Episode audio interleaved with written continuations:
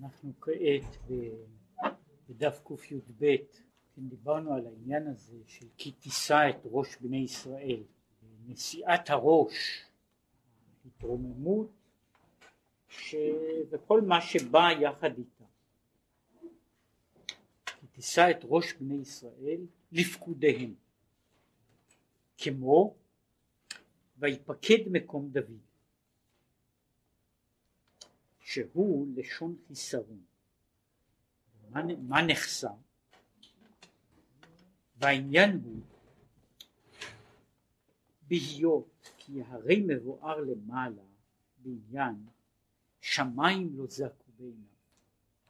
היה, היה לנו קודם דובר הרבה מה קורה כאשר האדם מתעלה, מתעלה בתוך העבודה, מתעלה בתוך התפילה וככל שהוא מתעלה יותר למעשה התהליך הזה של ההתעלות חלק מה... לומר תוצאות הלוואי שלו הוא שהאדם אה, מוצא בעצמו יותר חסרונות. לו למעשה זהו חלק מה, מה שמראה אם באמת יש כאן תהליך אמיתי. אם יש תהליך אמיתי של עלייה, אם אדם אחרי שהתפלל בעבודה, ביראה, אה, מרגיש טוב מאוד עם עצמו, והוא מתפלל פעם נוספת ומרגיש עוד יותר טוב עם עצמו, ובפעם האחרת הוא כבר כל כך מאושר שהוא מתחיל לבדוק מה החסרונות של כל הסביבה שלו כדרך העולם, כן? אז הוא אומר, אז יכול להיות ש... שמה שהוא עשה, יכול להיות שהוא עשה איזה עבודה, אבל הוא לא עבד את הקדוש ברוך הוא. כן? זה, זה קורה שבן אדם עשה איזה דבר, אבל לא הלך לכתובת הנכונה. ולעומת זאת, הוא אומר, כאשר אדם מתרומם, בתוך התהליך הזה של התרוממות הנפש ושל התעלות הנפש, יש הרגשה של, של ככל שהוא עולה או כמו שהוא דיבר על העניין הזה על מצרף לכסף ככל שהוא מצרף יותר יוצאים יותר השיגים. וזה מגיע כשהעלייה היא בתכלית לגבי העצמות. אומרת, כאשר העלייה היא עלייה בתכלית מדוע הוא מדגיש את העניין הזה העניין של שמיים לא זעקו בעיניו. מדוע בן אדם יכול לשאת את עצמו פחות או יותר בהרגשה טובה? מפני שהוא אה, חלק מהזמן אדם מבלה בזה שהוא משווה את עצמו עם אחרים. ובתחומים האלה בדרך כלל עם אחרים שהם פחותים ממנו. ואז הוא מרגיש ש... אם מה שאפשר, יכול להיות שאפשר להגיד עליי דברים כאלה וכאלה, אבל אה, יש עוד מישהו שאני יכול להסתכל עליו מלמעלה למטה. ועל ידי זה, עכשיו יש מה שקוראים לזה, זה בעיה של יחסיות מצד אחד. וזה, והיא יכולה להיות גם במדרגה, היא לא, היא לא חייבת להיות עניין של הטעיה, של מרמה עצמית, של, אה, אפילו של רשעות. יכול להיות שבאמת בן אדם טוב יותר מאשר השכנים שלו. אבל כאשר הוא מתעלה לדרגה גבוהה יותר, כאשר הוא מתחיל להתמודד עם, אה, עם מהויות יותר גבוהות, ממילא הוא מתחיל להרגיש הרגשה של חיסרון. משום שהוא משווה את עצמו עכשיו לא אל מול גדלים יחסיים, אלא אל מול דברים מוחלטים. עד שהוא מגיע, שהוא מגיע שהעלייה היא בתכלית לגבי העצמות. זאת אומרת, מול העצמות האלוקית, אז בן אדם מרגיש את עצמו מלא כולו בחורים ובחסרונות, כן? בעצם הווייתו. מה שהוא אומר, וכן למטה בכנסת ישראל, אומרים סלח לנו, כמו שהוא הסביר, ש, שבעצם אחרי שהאדם מגיע למדרגה של קריאת שמע, והוא מגיע למדרגה של אהבה ואחר כך הוא עומד בתפילה אל מול הקדוש ברוך הוא מה שעולה הוא ההרגשה הזו, הצורך לבקש סליחה. והצורך לבקש את הסליחה הוא בא, בא מפני שהאדם התעלה. ולכן אומר הסלח לנו הוא אוטומטי בכל מקום שהאדם יהיה הוא מרגיש את העניין הזה של סלח לנו לא משנה אם הוא חוטא גדול או חוטא קטן משום שכשהוא באמת עלה למדרגה יותר גבוהה הוא מרגיש את החיסרון. ומשום שהוא מרגיש את החיסרון הוא מרגיש שהוא צריך לעשות תיקון. לפי שאז כמו שאומר מתברר תכלית הבירור והתפרדו כל פועלי אבן אפילו הדק שבדקים. יש, יש המדרגה הזו שככל שהוא עולה יותר אז יש הפירוד של הטוב והרע נעשה מובלט יותר נעשה חריף יותר ואז גם הדבר, הדברים הדקים שבדקים יוצאים החוצה שבמצבו הרגיל של האדם הוא לא מבחין בהם הוא לא מבחין בהם זאת אומרת שיש סוגים של יש סוגים של, של רע גלוי. יש, וכאומר, ואת הדברים הללו בן אדם בעבודה פשוטה מגלה ויכול להשמיד אותם. יש הבעיות, מה, ש, מה ש, כמו שאמרתי, התהליך נעשה יותר ויותר קשה, התערובת נעשית גם הרבה יותר דביקה ככל שאני מגיע לכמויות קטנות יותר. כאשר התערובת היא, היא אז שלמה יותר בכל, בכל הפרטים שלה. כאשר אני עוסק בדברים, מה שקוראים לזה בלכלוך גס, זה ניכר לעין. כאשר אני מגיע לדקויות, הדקויות הללו קשורות כאילו בעצם המטריה, וכדי להגיע אליהן, אז בן אדם נמצא במבחן אחר מבחן, שמביא להרגשה של חיסרון אחר חיסרון עד שהוא מגיע לדקות שבדק שבדק.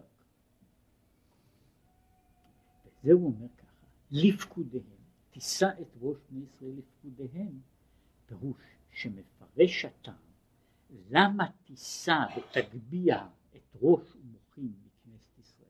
זאת אומרת, למה צריך לשאת את ראש בני ישראל? מדוע צריך להרים את בני ישראל למעלה?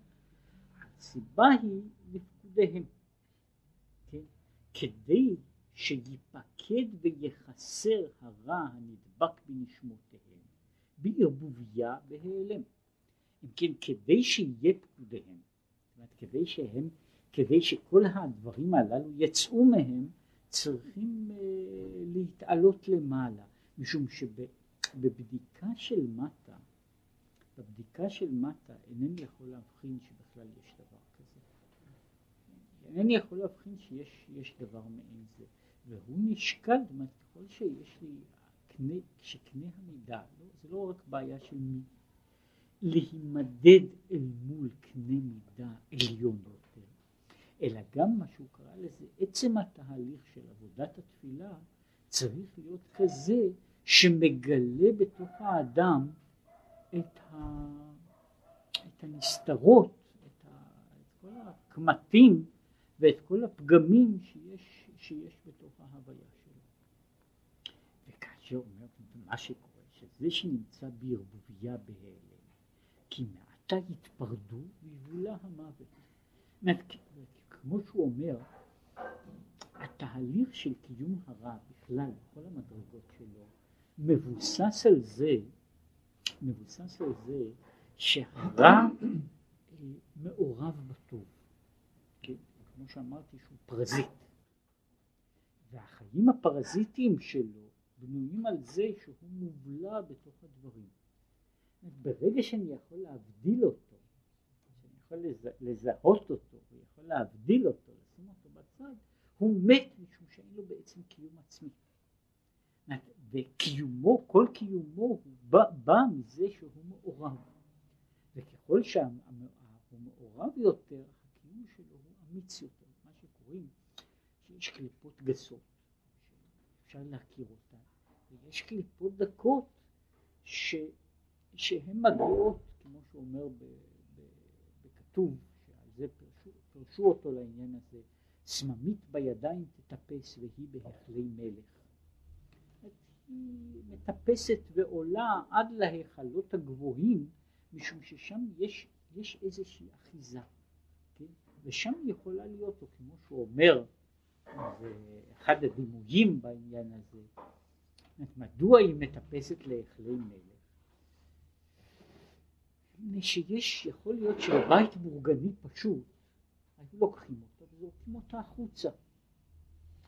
בהיכלי מלך הסממית מטפסת ולא כל כך אכפת, למלך יש עניינים אחרים לענות בהם, ואז הסממית מגיעה עד להיכלי מלך. עכשיו הסממית הזו שיכולה להגיע למעלה מעלה,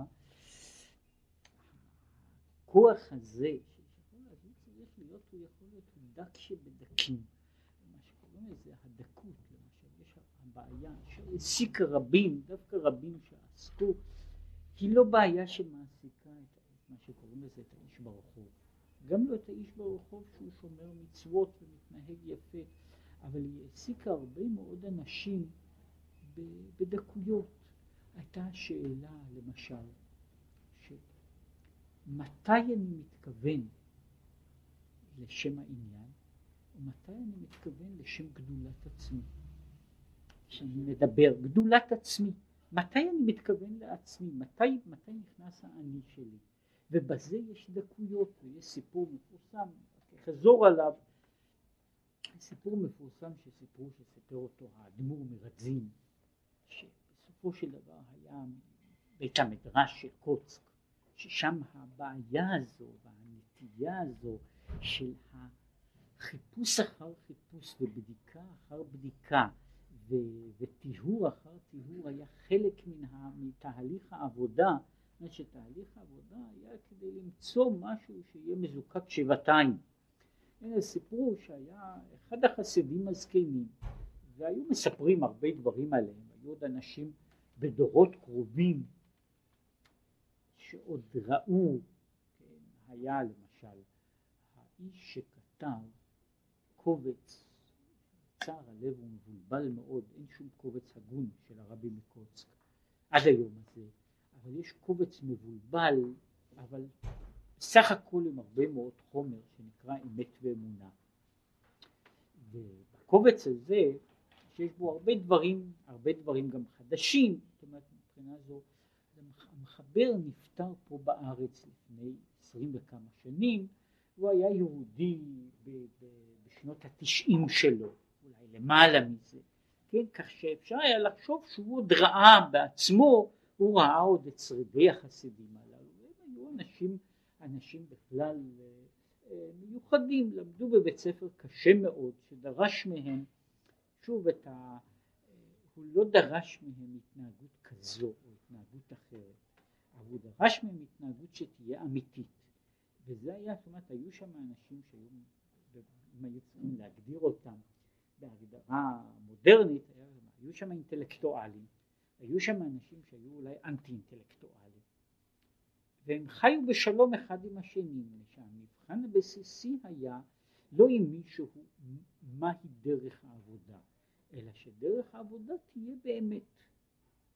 כן? ולכן באותו מקום שהיו אנשים כמו, כמו רבי מרדכי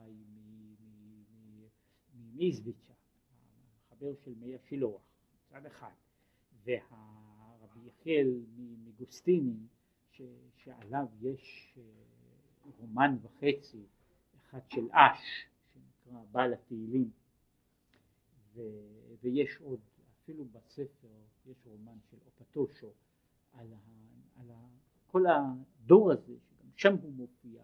אומרת, הוא היה בן אדם שהיה אומר תהילים ואומר לאחרים להגיד תהילים, שלכאורה לא היה מתאים לאווירה הסופר אינטלקטואלית שם, והוא חי שם בש, בשקט גמור, משום שהבעיה הייתה, כן, כל זמן שבן אדם מתכוון אה, לאותו דבר, זה היה בית הספר.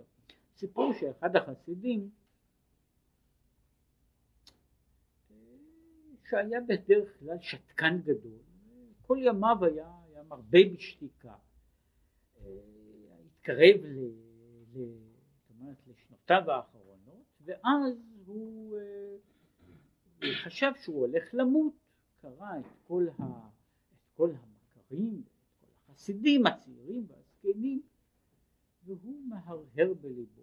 כל חיי נמנעתי מלהגיד לאנשים דבר, משום שחששתי מפני גאווה, מפני עניין, מה יחשבו, שיחשבו שאני אדם גדול. עכשיו אני הולך למות, אני גוסס. זהו הזמן להגיד את הדברים כפי שצריך להגיד אותם. כל מה שרציתי להגיד, דברי, דברי מוסר ודברי תורה וכל אלה, עכשיו הזמן להגיד אותם. וכולם נמצאים וידעו שהוא אדם שיש לו מה מקשיב, מנסים לשמוע, והוא פתאום מהרהר בליבו. ככה, כל החיים שלי אני נמלאתי מאיזה שמץ גאווה, ועכשיו הוא תופס אותי בדיוק ברגע האחרון, הוא תופס אותי בדיוק באותה גאווה. באמת בשתיקה. זה היה, זה הסיפור. הסיפור הזה סיפר הרבי מרזין, הוא הוסיף על זה, וזה היה הרגע שהוא באמת תפס אותו. זאת אומרת, מה שאני רוצה לומר, שהבעיה הייתה שהדק, מה שקוראים לזה דק, דק מעל דק עד אין נבדק, הוא הבעיה הזו, איפה נמצא, איפה נמצא, איפה נמצא הפגם ואיפה נמצאת האמת, והיא דורשת תהליך אחר תהליך, שיש דברים כאלה שה, שבן אדם, שתהליכי, שהפגם שבנפשו איננו הפגם שב, שבאמירה, אלא הפגם שבשתיקה. גם זה יכול להיות פגם שבנפש, זאת אומרת יכול להיות הפגם הזה, הפגם של ההיסוס, הפגם של, של לחפש דבר שאיננו, הפגם של חיטוט מעבר לנקודה מסוימת, יכול להיות גם כן פגם, אלא שאדם איננו, איננו נכנס אליו, זאת אומרת מפני שהוא נמצא בתהליך הוא לא מגיע לניקוי גם בתוך הנקודה הזאת, זאת אומרת שהנקודות הללו. מה שאמרתי, שהדקות הזו, שאלה אנחנו עוסקים בה בבעיות גולמיות, אלא בדקויות ובדקויות שבדקויות, אז גם שמיים לא זעקו בעיניו.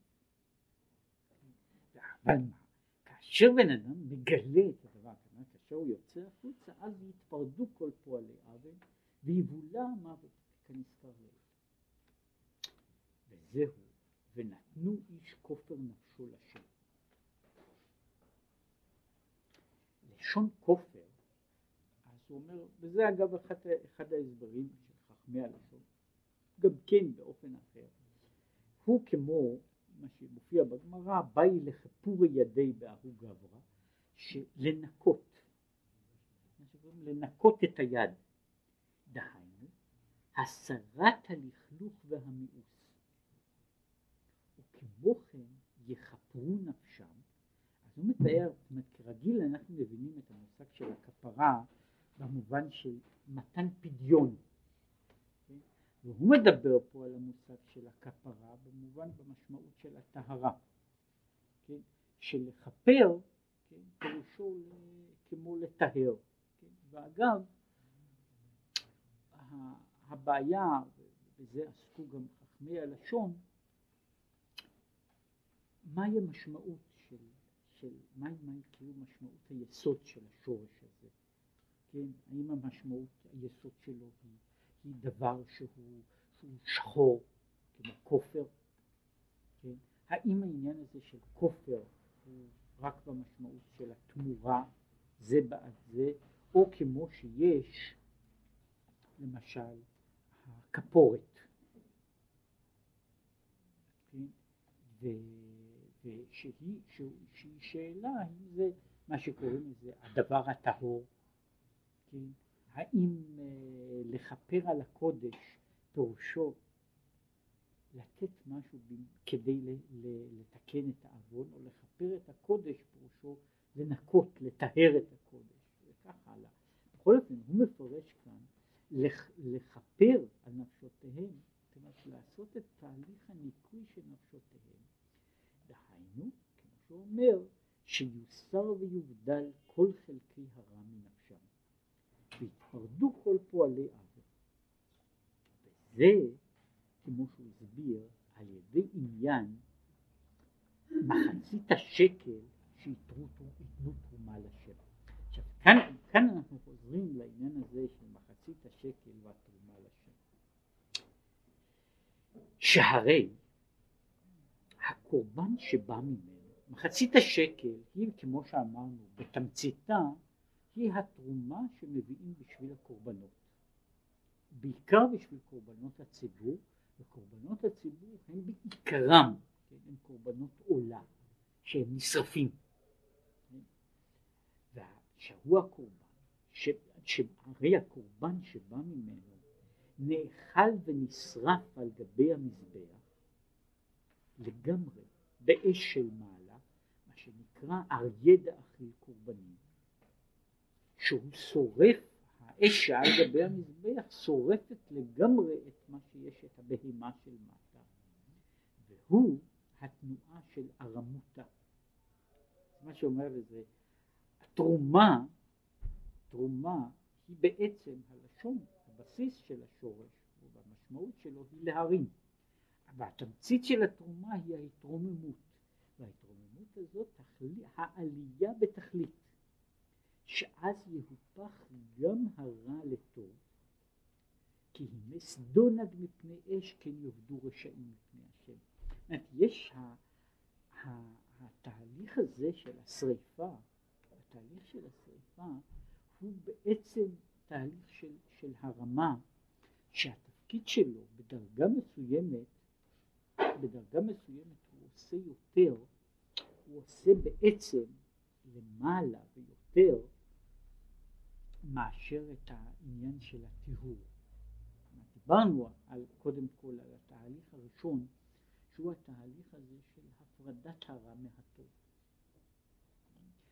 כאשר יש דרגה גבוהה יותר, הרע מתפרד יש יתפרדו כל פועלי אוון לא רק שהם מתפרדים מהטוב, אלא הרע מתפרד מתוך עצמו. הרע נהרס, זה בערך כמו שיש, תיאורטי, הוא קיים גם בתוך העולם הזה. אם אני מעביר תהליך של, של, של זיקוק, של חומרים, זה, זה תלוי למעשה בדרגות החום שמגיעים אליהם. בדרגות חום מסוימות אני מקים, כמו שעושים בבתי הזיקוק, יש זיקוק של פרקציות, של דרגות שונות, שבו חומרים שונים, כל אחד נעשה מבודד לעצמו על ידי התהליך של הזיקוק. זיקוק יכול ללכת בדרגה יותר. עכשיו, ככל שאם אני מעלה את החום יותר, אז קורה דבר שהוא מפורסם, חומרים מורכבים מתחילים להיפרד. ולמעשה זה, רק תלוי באיזו דרגה, באיזו דרגה של, של חום אני יכול להגיע אליה, כדי להפריד את הדברים, מה שקוראים לזה התפרדות היסודות לגמרי. ואז מגיעה התפרדות, שההתפרדות יכולה להיות שהיא לא רק מפרידה את השיגים מן הכסף, אלא מפרידה את השיגים, השיגים מפסיקים להיות מהות לעצמם. הם מתפרדים בתוך עצמם, מפני שכמו שהוא אומר, המהות של רע, שוב, המהות של רע, כמו שאמרתי, היא פרזיט. הפרזיט הזה גם כן, בתמציתו, במהותו, הוא בנוי, הוא בנוי מחלק שהוא הרסני וחלק שהוא חי. עכשיו, התהליך של הבירור בדרגה יותר גבוהה מטהר גם את, את החלק הזה מפני שהוא מפרק גם אותו למרכיבי היסוד שלו. זאת אומרת, אנחנו בעבודה שלנו, ביסודו של דבר, אנחנו מגיעים עד לדרגה מסוימת. אנחנו מגיעים להרגשה של הפרדה, בדרך כלל. זהו חלק הטוב, זהו החלק הלא טוב. את חלק הלא טוב אני זורק. כן? יש התהליך הזה של רימון מצה, תוכו אכל קליפתו זרה. אני, אני מגיע אל הקליפה ואני זורק אותה. זהו תהליך א'. יש תהליך אחר שבו אני, אני מפרק את הקליפה לגורמים. אני מוציא, אני כאילו מתקן את הקליפה בעצמה. התהליך הזה הוא תהליך של, של מה שקוראים שבו של, של הזדקקות פשוטה, אלא של, של עלייה הרבה יותר גבוהה, שאז הדברים, הרמותא בתכלית. אומרת שה, שהדבר הזה שאני קורא לו המהות של הרע, כאילו מתפרד למרכיבי היסוד של עצמו. כן? ובתוך מרכיבי היסוד הללו אני מפריד ממנו את מה שקוראים לזה את הסובסטנציה ואת מה שאיננו סובסטנציה, את המהות ואת מה שאיננו מהות. ואחרי שהוא מופרד אני, אני, הוא נשאר, שמה שנשאר ממנו התכלית של הרע הוא החידלון לבד, כן? האפס כשלעצמו, כן? אבל כל מה שיש בדבר הזה מכוח של העניין שבטוב הוא הופך להיות, הוא חוזר שוב לקדושה, שזה כמו שהוא אומר, זה דבר שאנחנו כרגיל בעבודתנו איננו יכולים לעשות. אנחנו יכולים להגיע לזיהוי ולהפרדה. כן? אבל יש תהליך יותר גבוה שהוא מפריד, שהרע בעצמו מתפרד עד למדרגה שהוא מתהפך, הרע מתהפך לטוב, שאז נשלל ממנו, נשלל ממנו היסוד של, של היותו רע. וזה מה שמדבר על זה שכן יאבדו רשעים מפני השם. וזו, וזהו מחצית השקל השנית. כן, הוא דיבר על זה שהשקל, ששקל הקודש הוא שקילת הדברים בעולם, שהם בנויים תמיד בשני, שתי כפות, ש, של ימין ושל שמאל, שני קווי יסוד של ימין ושל שמאל, שיש ביניהם בתמצית איזון. בתמצית יש ביניהם יחס שהם, שיש, שהם קשורים זה בזה, כדי שהם יוכלו לתפקד. והכף הזו היא העלייה של הכף השמאלי, להעלות מרפ"ח ניצוצים תרומה לשם. זהו, זהו תפקיד אחד שהוא לוקח דבר מתוך העולם ומעלה את הניצוץ הקדוש ומחזיר אותו הביתה. ולמעשה התפקיד של כל מה שהוא קורא לזה, של כל הסדר שנקרא סדר העבודה, קו השמאל, הוא לקחת דברים מתוך המציאות של מטה ולהחזיר אותם למקור. כן, אני, אני כאילו מוצא את הניצוץ ואני משחרר אותו, נותן לניצוץ להגיע אל מקומו, להגיע אל, להגיע אל השורש שלו, וזה אני עושה בדרך כלל כמו שעושים, כבר אמרתי את זה, שבמובן מסוים אפשר להגיד שכל הקדושים סובלים מאמנזיה, כן, מחלת השכחה, כן, זאת אומרת הניצוץ הקדוש לא שכח כבר מזמן שהוא ניצוץ קדוש, כן? ומפני שהוא לא יודע את זה הוא מתנהג בצורה שהיא לא, היא בצורה, בצורה מוטעית, מפני שהוא לא, לא נמצא בתוך המקום שלו והוא פועל ב, ב, ב, במקום לא נכון, ובמובן מסוים מה, מה שעושים ב, ב, ב, בעבודה הזו של העלאה זה שכאילו אני מזכיר לו, אני מחזיר את הדברים אל, אל השורש, וההחזרה הזו של הדברים אל השורש היא, היא התהליך שבאופן כללי הוא תהליך העבודה שהוא שורף את המציאות של מטה. ערך העלייה הוא לפי ערך הירידה מלמעלה למטה במחצית השקל הקודש עליון שבכף הימין. לא תוכל להיות עלייה של כף השמאל, יש כף אחת שעולה. בשביל זה צריכה הכף השנייה דווקא לרדת. כן? והתהליך הזה אומר, הוא לא יכול להיות חד צדדי. העלייה והירידה קשורים אחד בשני. כן? אני לא יכול לעשות שתהיה כף אחת. כן? עכשיו, זהו התהליך שבכף הימין המכביד ויורד, כן? שהוא הקו שבתוך שלושת הקווים של תורה, עבודה, גמילות חסדים. כן? עכשיו, בשלושת הקווים הללו יש קו אחד שהתכלית שלו היא להוסיף קדושה למטה. יש כאילו, התהליך של העבודה הוא בתמצית להעלות את הקודש למעלה, להחזיר אותו למקומו. יש תהליך של שמטרתו היא להוריד קדושה למטה. ושני אלה קשורים אחד בשני, זה, אלה הם שני הדברים שהוא קורא לזה על שקל הקודש. המדידה שבקדושה בנויה שלפי לפי דרך הירידה, זאת אומרת ככל שיש יותר כף הימין כאילו יורדת למטה יותר, כף שמאל עולה למעלה יותר. מפני שהוא מסביר, התהליך הזה של תורה ומצוות הוא לא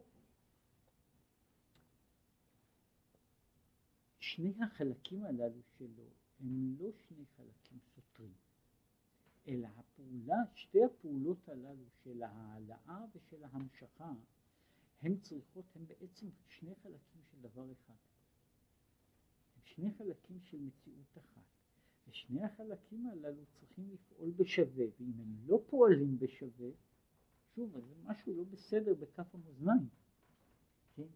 הכף הזו איננה, איננה שוקלת יותר, משום שאם היא שוקלת, אז ככל שתהיה, ככל שתהיה יותר הורדה למטה, כך יש העלאה למעלה. זאת אומרת, במובן, אם ניכנס לזה באופן אחר, אולי באופן, באופן אנושי, לכאורה מבחינת האדם, מבחינת המנטליות האנושית בכלל, אנחנו באמת מחלקים בין אנשים שהם בקו הימין ואנשים שהם בקו השמאל. יש אנשים שמהותם היא בקו הימין. הם אנשים שפועלים מן הפנים החוצה. זה האיש שנותן, שמעניק, שמוריד. כמו שיש אנשים שהם בנויים על קו השמאל. זה אנשים שהתמצית היא התכנסות. הפנמה. ככל שאני נכנס יותר, אני נכנס יותר פנימה יותר, עמוק יותר. עכשיו, שני אלה הם בעצם מבחינה אנושית הם שני תהליכים סותרים. ומבחינת האדם, מבחינת האדם, זה כמעט יש לו ברירה להיות או כזה או כזה. יש בוודאי, אנשים אינם עשויים כמו, כמו נוסחאות מתמטיות, ולכן הם בנויים, הם הרבה יותר מורכבים, והם אינם בנויים באופן חד צדדי, כן? אבל באופן כללי זה נכון הן לגבי המצוות, ולהבדיל גם לגבי העבירות, יש אנשים עם מצווה מסוג אחד ומצווה מסוג אחר, כן? וכמו ש... ויש אנשים עם עבירה מסוג אחד ועבירה מסוג אחר, כן? ושני, ושני הדברים הללו אינם קשורים, הם, הם בעצם שתי, שתי נקודות, שתי, שני צדדים ש, ש, שבנפש, שני צדדים שבנטיית האדם, זה שהם לכאורה שתי תנועות, שתי תנועות ש, שעומדות ככה, ולכן למעשה מה שהוא בא להסביר היה כאילו בשאלה, הייתה מין שאלה כזו, שהייתה, השאלה הייתה לאיזה תנועה בעצם אני נדרש? אני נדרש לצאת מתוכי החוצה, אני נדרש להביא דברים פנימה. אני נדרש לעשות דברים על ידי זה שאני מוסר לאחרים, או אני נדרש לזה שאני מנסה לזקק ולהעלות את עצמי. עכשיו שני הדברים הללו הם לכאורה כל הזמן נמצאים ב, ב, במחלוקת. והרבה אנשים נמצאים בתוך, בדילמה הזו כבני אדם, בכל, בכל, בכל העניינים שלהם. אני עומד עם עצמי, מעלה, מעלה, מעלה, מטהר, מזקק, מתרומם, או שאני יושב ומתעסק, מוריד, נותן, וכך הלאה. והבעיה הזו היא בעיה. עכשיו השאלה הייתה, אז מה, דורשים מבן אדם? מה השם אלוקיך שואל ממך? הוא שואל ממני את הדבר הזה, הוא שואל ממני את הדבר השני. עכשיו לשם זה הוא דיבר על העניין הזה של שקל הקודש. הוא דיבר על מודל של מאזניים. במודל של המאזניים נמצאות, במאזניים יש שתי תנועות שהן מהותיות. כן? ושתי התנועות הללו הן בעצם מנוגדות אחת לשנייה. כשכף אחת יורדת, הכף השנייה עולה. וה... העלייה והירידה של כף המאזניים איננה, זו איננה סתירה למבנה של המאזניים. כלומר המבנה של המאזניים מתקיים בעצם על זה שהוא חי על שתי תנועות סותרות. כשאני מדבר על, על יחידות קוויות, כשאני מדבר על ציר של, של, של, של, נאמר, של, של, של, של איזושהי מכונה, הוא הולך או בתנועה קדימה או בתנועה אחורה, כן? עכשיו, מה שהוא אומר פה, שיש סוג כזה של תנועה שהיא בעצמה סוג של סיבוב, שיש פה תנועה למעלה ותנועה למטה שהם באים בבת אחת. הם באים בבת אחת. יותר על כן, הם באים בבת אחת מפני שהם יונקים אחד מן השני. הם יונקים אחד מן השני. מה שהוא מסביר, מה שהוא מסביר פה, הוא שהתהליך הזה, הוא לפי זה, בשקל הקודש, בשקל הקודש יש מדידה. והמדידה הזו הולכת ששני הדברים צריכים להיות בשווה. וששני התהליכים הללו צריכים ללכת, צריכים ללכת ביחד. כן? והם הולכים ביחד. ככל שבן אדם, ככל שבן אדם יותר בצד הזה, מתנהג יותר בצד הזה של, של המעשה, צריכה להיות כנגד זה גם הנקודה של ההתרוממות של מעלה. ואם זה לא קורה, אז הוא אומר, אז שמע מינה שהוא לא עוסק בשקל הקודש. אומרת שיש פה מכשיר שהוא נפגם. מכשיר שהוא נפגם שהוא פועל רק באופן, ב, שהוא פועל רק בכיוון אחד. המכשיר, העניין הזה הפסיק לעבוד בשני הצדדים. שאומר, נכון שיש לנו העניין שני התהליכים הללו עולים ויורדים, אבל בעצם הם מפרנסים אחד את השני. וככל שהאדם מכביד יותר צריכה להיות העלאה בכף השנייה. זאת השאלה, פעם, זה גם כן דבר שאומרים שהרבי מקוצק אמר, אמר ששלמה המלך תיקן, כתוב שהוא תיקן כמה מצוות, ואחת מהן, אומר, הוא תיקן עירובין ונטילת ידיים. כך כתוב, שזה אלה מצוות עתיקות שהן מדרבנן, שאותם תיקן שלמה המלך. שלמה המלך, רבי מקוסק אמר ככה, שעירובין, זה מה שכתוב בגמרא, הוא מפרש ככה, עירובין ונטילת ידיים, הוא תיקן דבר כזה שבן אדם יכול להיות בעירובין, כלומר מעורב עם הבריות, וגם נטילת ידיים, שיהיו לו ידיים נקיות. כן? וזה, הוא אומר, זה מה שאומר שצריך היה ששלמה המלך יתקן, שאפשר יהיה לעשות צירוף כזה, כן? שבן אדם יהיה גם מעורב וגם נקי. כן, שזה שוב לגבי כל כך הרבה אנשים זה בדיוק סתירה זאת זאתי הבעיה שאנשים נאבקים איתה אנשים שנכנסים לחיים פוליטיים או לא נכנסים אנשים שעוסקים בדבר מסוים זאת בן אדם עומד כאילו בתוך השאלה אני מעורב אני מתלכלך אני נקי? שזו זו שוב השאלה הזו של קו הימין או קו השמאל כן ויש יש נימוקים כבדי משקל גם לצד הימין וגם לצד השמאל.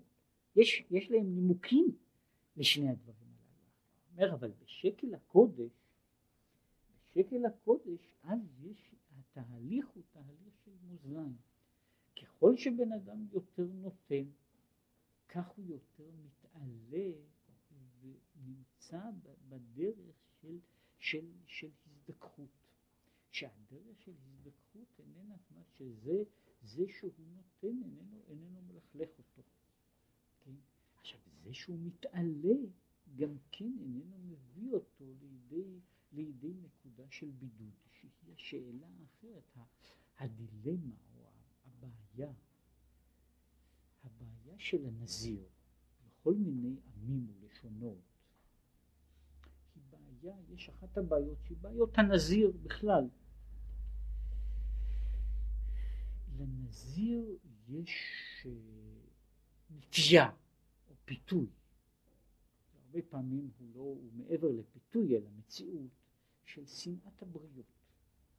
שעד כדי כך שלפעמים אני לא יודע אם בן אדם הוא מיזנטרופ מפני שהוא נזיר או נזיר מפני שהוא מיזנטרופ. זאת אומרת זה שהוא שונא בני אדם האם בגלל זה הוא מבודד את עצמו ומנסה להיות במין עולם, עולם אחר או שהוא, משום שהוא היה, וזה נכון גם בצד השני, אדם יושב בתוך עולם מבודד, סוגר את עצמו ומנסה להיות יותר ויותר מה שקוראים לזה נקי, טהור, מושלם. ואז יותר ויותר קשה לו להתייחס לאנשים אחרים. יותר ויותר קשה לו, מפני שזה נראה לו, זאת אומרת, כשאני יושב שם באיזה מקום מבודד, בתא קטן או באיזה מקום, אני יושב במקום סגור, מבודד, אין שם שום רוח פרצים, ושם אני יושב, כולי, כולי נמצא ככה בתוך הקודש. אז אני, לא רק שאני לא, ש, ש, ש, לא רגיל כבר לצאת החוצה, אבל אני לא רוצה לצאת, מפני שאני לא יכול להתייחס יותר לאנשים אחרים. זאת אומרת, יש בעיה, כאילו הבעיה היא שבה, שה, שהסטנדרטים שלי עולים, אז לכאורה אני צריך להיות עם פחות יחס כלפי, כלפי העולם. היחס שלי אל המציאות צריך להיות יותר ויותר שלילי, כן? אומרת, אני יודע מה זה קודש, אני יודע מה זה קדושה, ופלוני יושב ומתעסק בדברים כאלה וכאלה. יש הש... הסיפור, שיש סיפור רק כדי להראות כמה שהעניין הזה בולט, הסיפור על רבי שמעון בר יוחאי ובנו, מופיע גם כן בגמרא, הם היו במערה 12 שנה. יצאו מן המערה אחרי 12 שנה, והם רואים אנשים עוסקים בעבודה. ואז אומר רבי שמעון, אומר רבי אלעזר, מה? האנשים האלה יושבים פה, עוסקים בהבלי עולם הזה, כן? נתן עיניו והוא שרף אותו, את האיש שיושב ועובד. כן? אז יצאה בת קול ואמרה להחריב עולמי יצאתם, חזרו למערתכם. כן? שלחו אותם למערה, בשנה הבאה, זאת אומרת, כשהיה רבי אלעזר שורף, היה רבי שמעון מכבה, והיה אומר, ככה צריך להיות בעולם. זאת אומרת, יש דבר כזה, אומרת שזה הסימפטום. יש איש צעיר שחי חי במערה, בקודש הקודשים. הוא יוצא, הוא נמצא בתוך המערה, והקודש מלהט סביבו, והוא עכשיו רואה אנשים שאין להם, כן, הוא יושב ועוסק בשור ופרה וחמור, והשאלה מתי לחלוב את הפרה, בוודאי עוד מציקה לו לא פחות מהשאלה מתי זה זמן קריאת שמע של ערבית. כן? ולכן, הוא מרגיש, זה בן? זה, זה, זה קיום? כן? ואז הוא שורף, שורף את כל זה. אני אומר, הבעיה הזו זה שצריך להחזיר אותו למערה, כן, שילמד עוד, היא קשורה באותו אותו תהליך שאמרתי, זה תהליך שבנפש.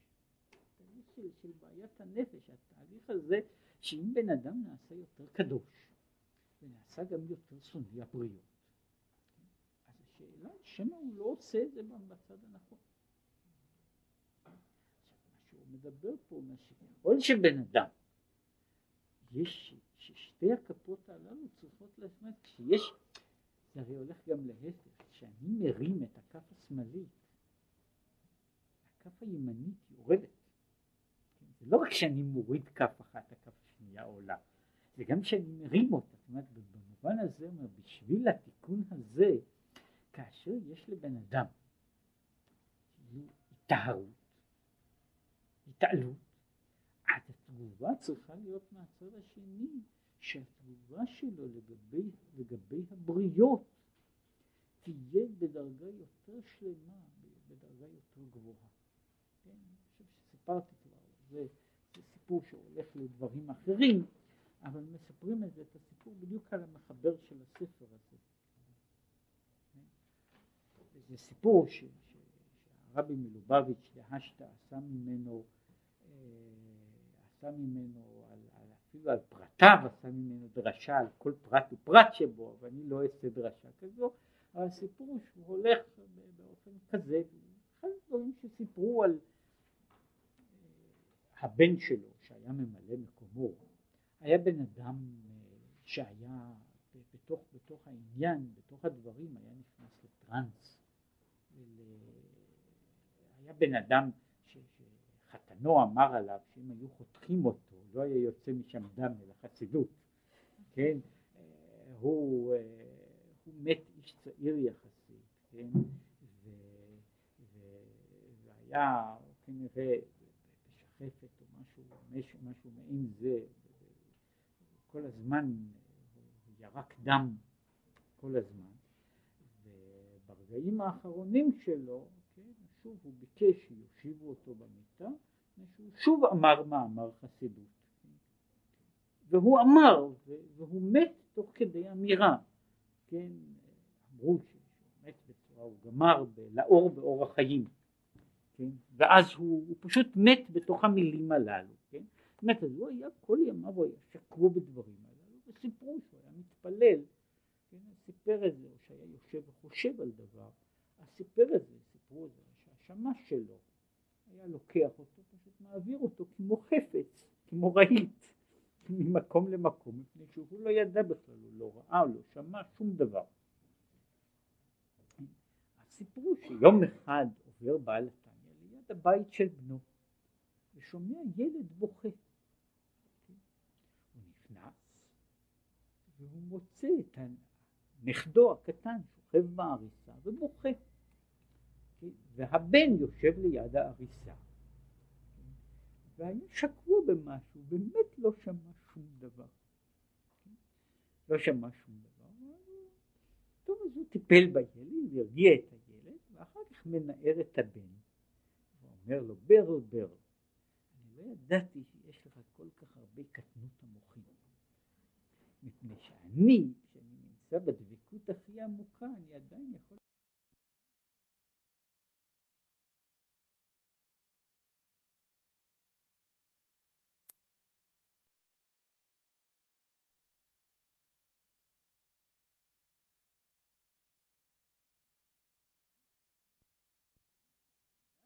הייתה בדיוק אותה נקודה.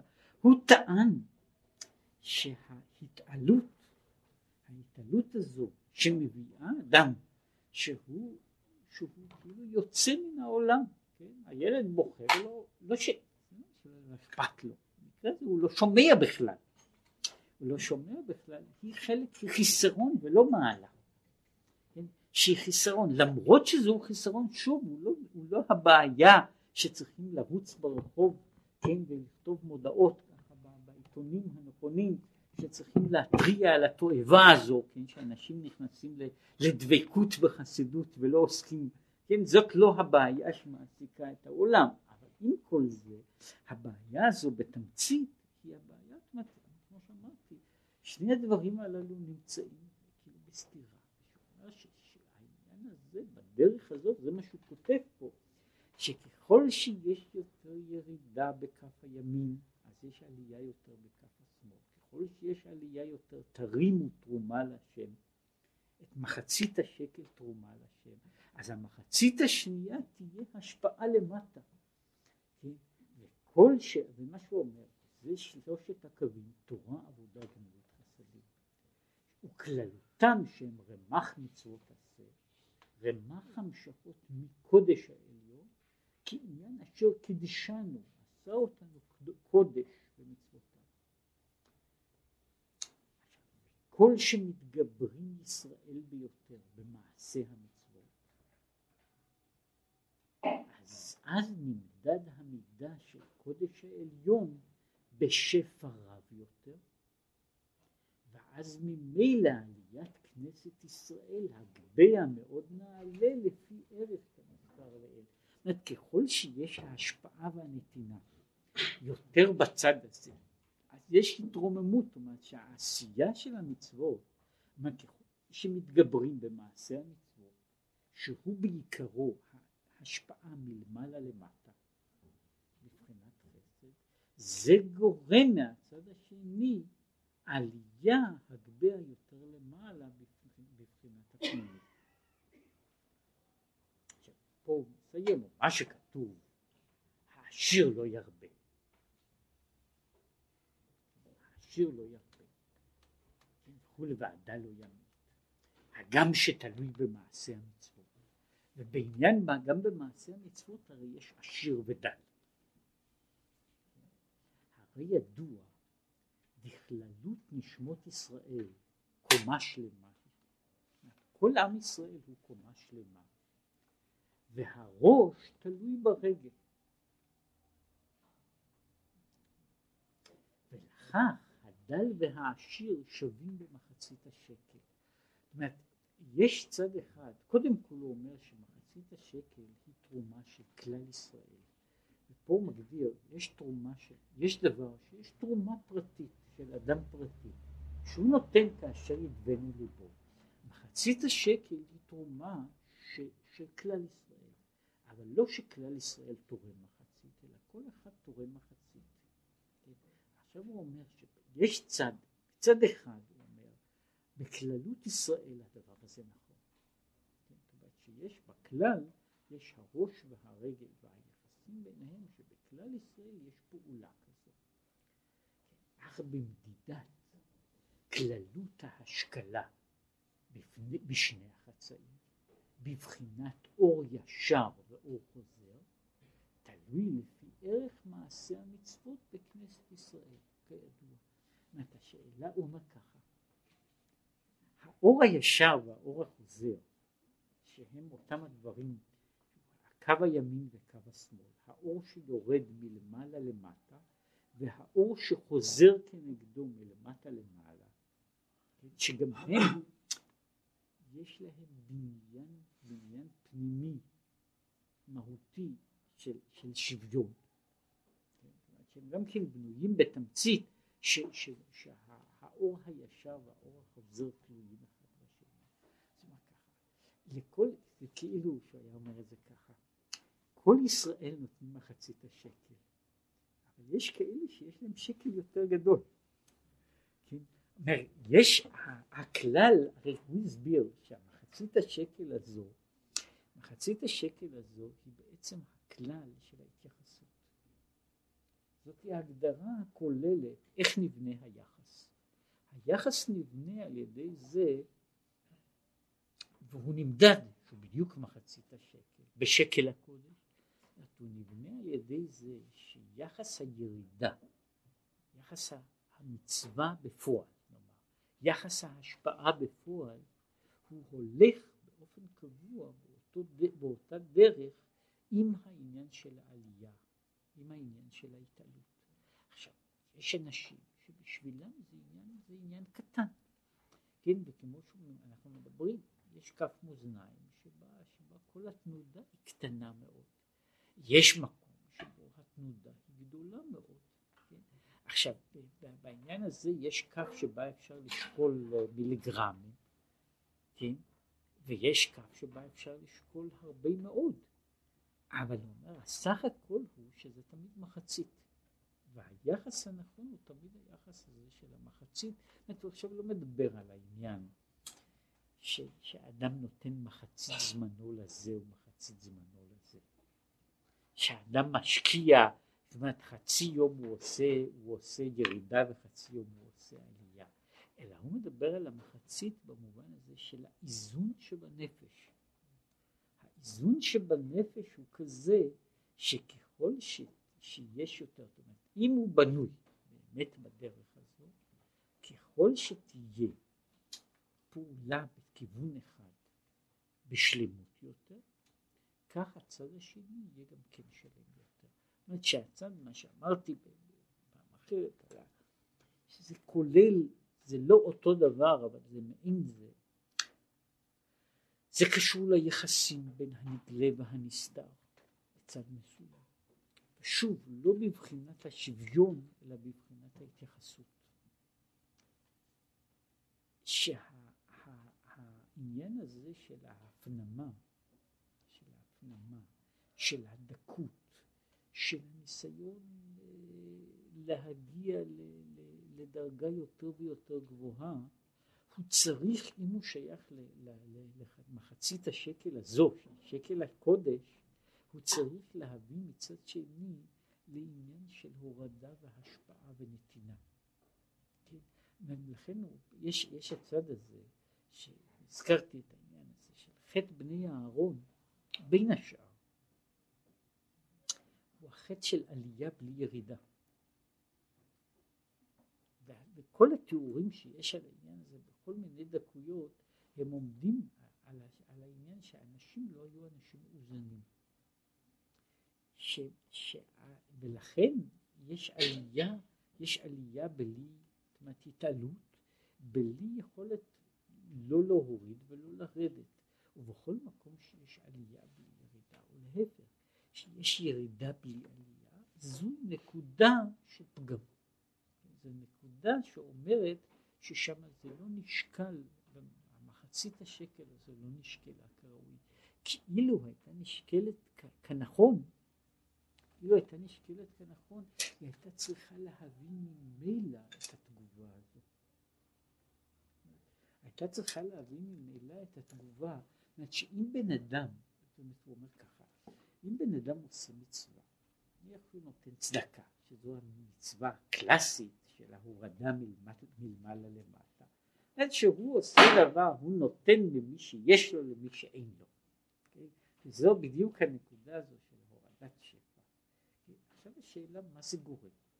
עכשיו אם זה, זה, אם זה גרם לבן אדם שיהיה לו יותר גסות הרוח, ויש אנשים שזה כל מה שקורה להם, אז פירושו של דבר זה, זה, זה נכנס לזה השאלה אם זה היה שייך לשקל הקודש. מפני שבן אדם יכול לקבל סיפוק שאיננו בקדושה גם ממעשים קדושים.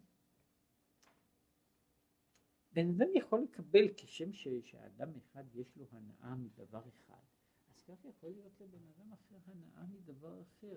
ואותו דבר זה נכון גם, נמצא אדם והוא מתבודד לבדו במה שקוראים לזה במחשבות קדושות טהורות.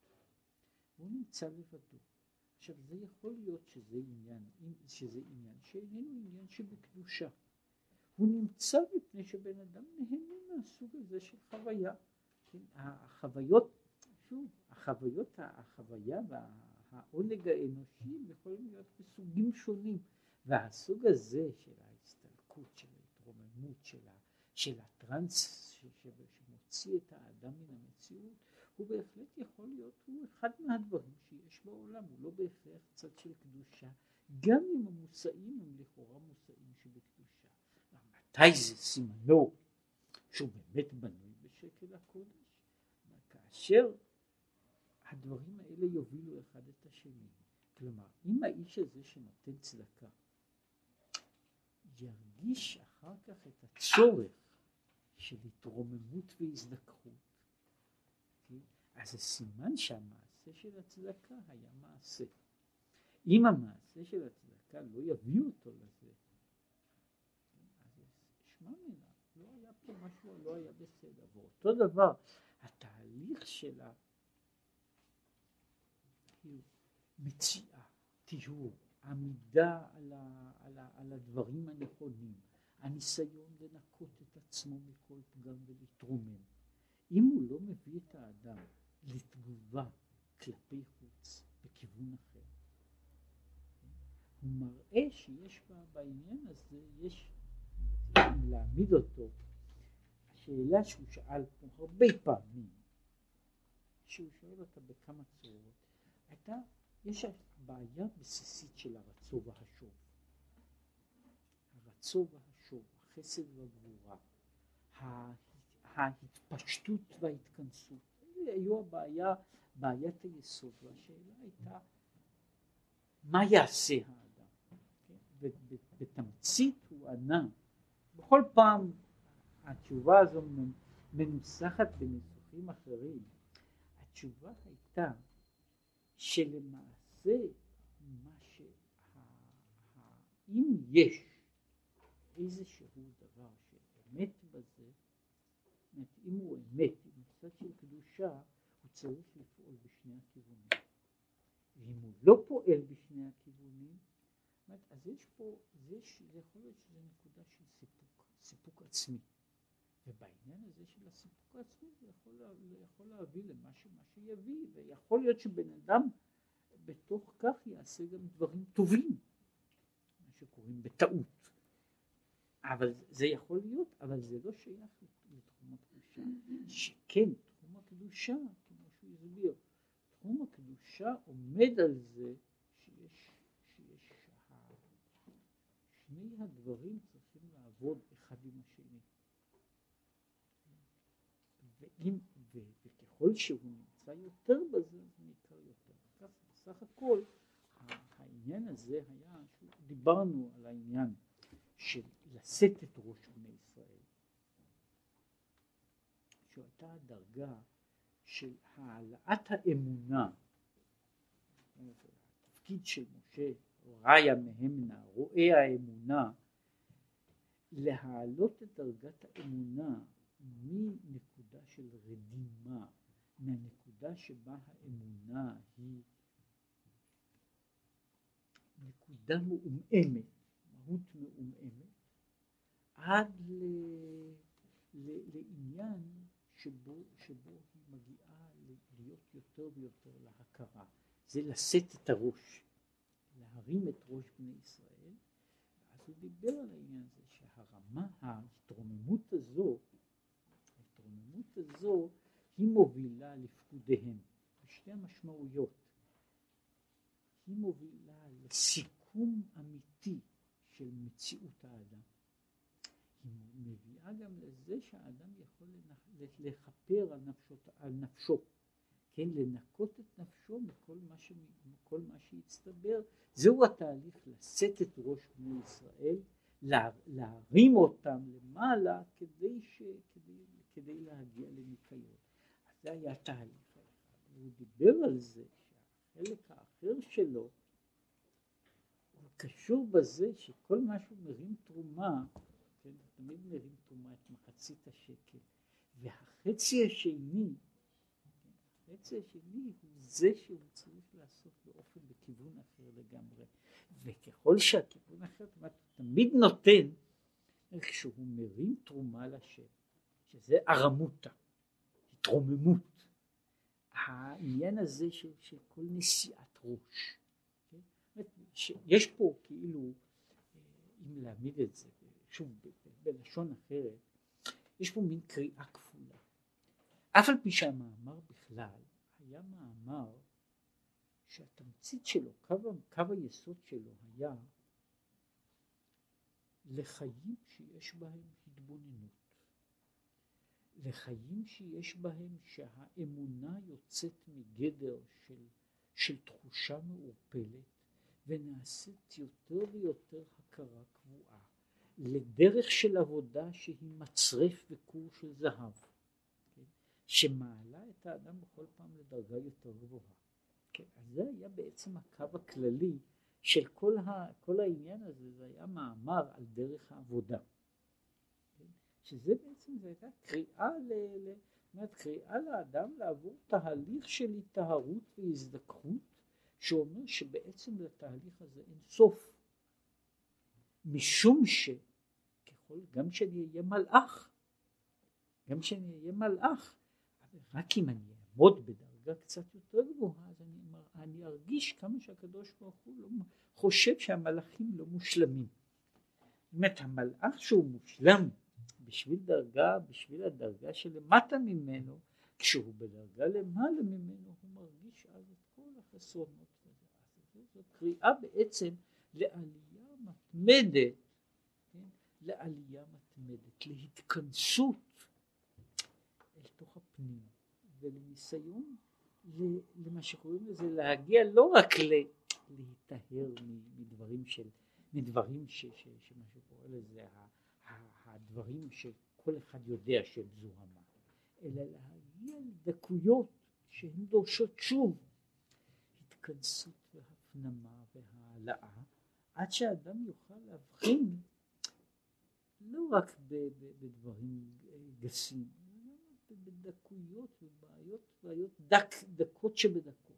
עכשיו זה היה קורה לכאורה, זה היה קורה לכאורה לאדם להיסגר בתוך, בתוך מין מציאות כזו, שבה אני נאבק לצאת מכל, ה, מכל העניין הזה, ככל שאני עכשיו יודע את כל הדברים, את כל הדקות, מה, מה אני צריך שם בתוך העולם הזה? והוא דיבר שכל התרומה הזו היא מחצית השקל. וששקל הקודש תובע?